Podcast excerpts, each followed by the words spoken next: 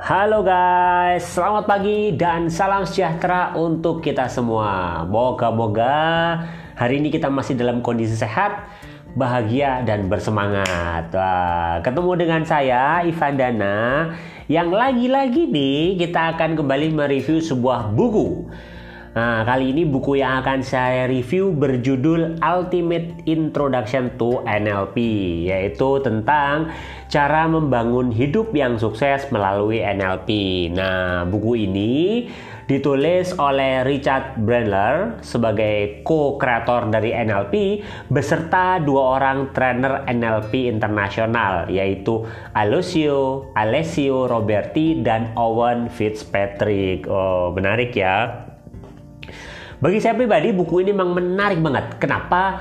Karena ketika rekan-rekan mencoba membaca bukunya, teman-teman akan tidak sedang merasa sedang baca buku, tapi merasa sedang mengikuti workshopnya.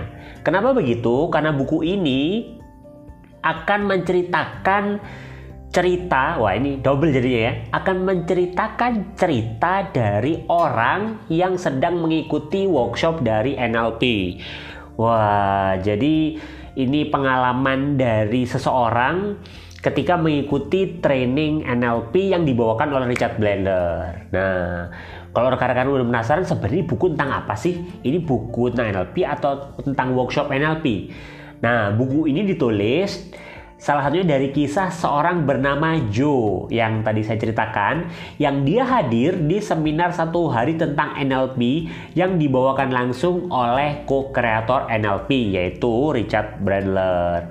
Melalui buku ini juga rekan-rekan membaca semua akan diajak untuk menjadi salah satu dari peserta kelas tersebut untuk mendengarkan apa yang Joe dengar dan mengalami apa yang Joe alami serta mempelajari apa yang Joe pelajari. Wih, menarik ya. Ini pula yang membuat beberapa pihak menyampaikan bahwa buku ini adalah buku tentang NLP yang paling mudah dipelajari saat ini karena memang dijelaskan dengan penceritaan orang awam yang ikut pelatihan NLP. Wah, jadi akan lebih mudah untuk kita serap dan pahami maknanya.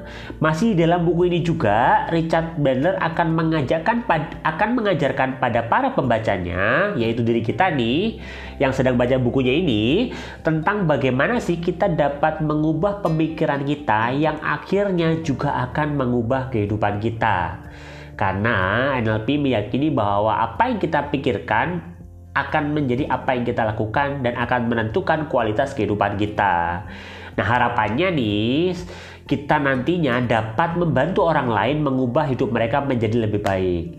Di dalam buku ini kaya akan tools-tools dari ilmu neuro linguistic programming yang dapat digunakan secara langsung untuk meningkatkan kualitas kehidupan kita dan kualitas kehidupan orang-orang di sekitar kita.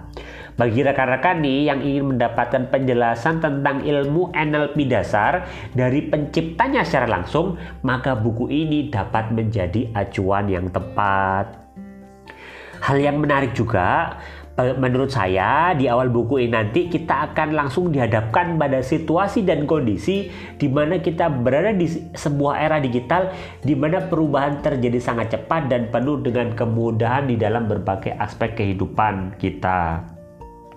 Namun ternyata meskipun kita sudah dikasih ini banyak kemudahan dan juga kita punya banyak sumber daya dari sebelumnya, namun tetap saja ditemukan ada aja orang-orang yang merasa depresi, keresahan, ketakutan, merasakan kepanikan dan stres yang dirasakan. Dan perasaan-perasaan negatif ini malah makin meningkat nih makin ke sini gitu. Untuk itu dibutuhkanlah sebuah tools atau teknik khusus untuk mengambil alih kontrol kehidupan kita sehingga kita bisa tetap berbahagia dan kita memilih untuk bahagia gitu. Dan di buku ini juga NLP nanti diharapkan mampu menjadi salah satu tools yang mempermudah diri kita dalam meningkatkan kualitas kebahagiaan kita. Jadi nggak salah juga sih kalau ada orang-orang yang bilang ini buku itu tentang bagaimana caranya kita menjadi lebih bahagia. Ya, buku ini adalah salah satu rekomendasi yang tepat gitu. Bagi saya pribadi, buku ini juga akan mengarahkan kita pada cara-cara yang dapat kita lakukan untuk melakukan perubahan terbaik pada kehidupan kita, sehingga kita dapat bertransformasi menjadi pribadi yang lebih baik dari waktu ke waktu, dari sisi kepercayaan diri kita, kemampuan berkomunikasi dengan orang lain, dan cara kita mengatasi hambatan-hambatan yang muncul di dalam hidup kita. Oh, menarik sekali ya.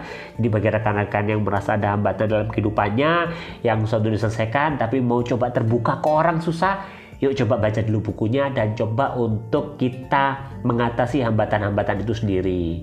Gitu. Wah makin penasaran ya sepertinya ya. Seperti apa sih gambaran isi bukunya? Nah buku ini berisi secara singkat dari NLP dan tools-tools NLP Yang dapat digunakan kita sebagai individu untuk meningkatkan kualitas kehidupan dan kebahagiaan kita. Ada beberapa isi atau konten dalam buku ini yang bagi saya cukup berkesan. Antara lain tentang ada bab tentang bagaimana sih caranya kita merasa luar biasa Nah, di bab ini sih menurut saya juga termasuk pembahasan yang menarik nih. Hal ini terutama dikarenakan di sini kita melakukan pembahasan tentang bagaimana sebuah rasa bisa muncul di dalam diri kita yang diawali dari sebuah pemikiran. Ketika kita berpikir, kita melakukannya melalui tiga cara utama, yaitu kita membuat gambaran mental dan gambar cerita bergerak seperti dalam film di kepala kita atau kita seakan-akan berbicara pada diri kita sendiri dan lantas kita mulai merasa Ketika kita melihat sebuah kejadian dan gambaran yang muncul di kepala adalah sesuatu yang menakutkan, maka kita akan merasa takut. Maka cara agar kita bisa merasa luar biasa dan menaklukkan tak ketakutan kita tadi adalah dengan cara melakukan penyesuaian terhadap proyeksi gambaran menakutkan yang muncul di kepala kita tentang sebuah situasi.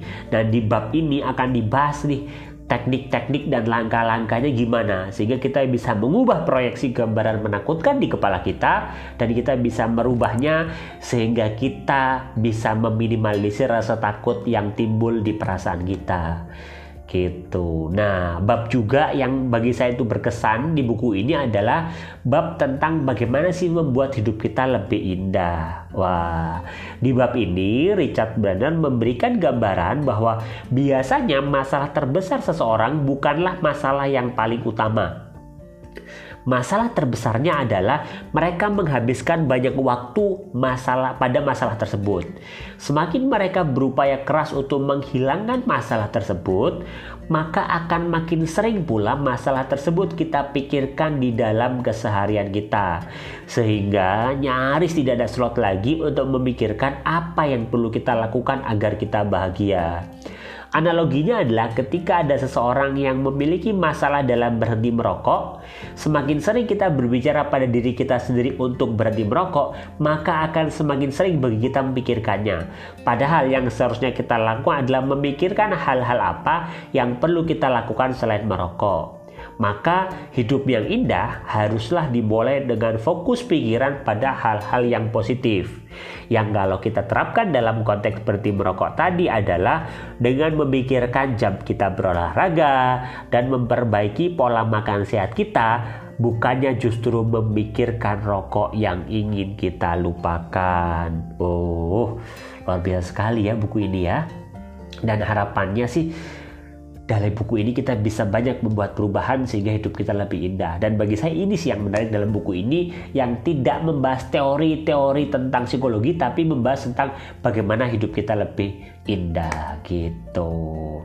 Secara umum buku ini sih menurut saya pas dibaca bagi rekan-rekan membaca yang ingin belajar untuk mengubah cara kalian merasakan sesuatu cara kalian memahami sesuatu dan mengubah cara kalian memaknai kehidupan. Seperti yang Richard Bandler sering katakan sendiri mengenai NLP, yaitu sebagai alat untuk melakukan modeling terhadap orang-orang yang sukses di bidangnya dan mendapatkan kehidupan yang diinginkan. Jadi NLP itu diharapkan dapat menjadi sebuah tools yang membantu individu-individu seperti diri kita untuk mendapatkan kehidupan yang kita inginkan. Wah, saya pribadi sih sebenarnya memang merasakan perubahan yang luar biasa dalam cara saya menyikapi sebuah keadaan menjadi lebih positif dan merasakan perubahan dalam cara saya berkomunikasi efektif ketika saya berkesempatan mengikuti pelatihan NLP secara langsung.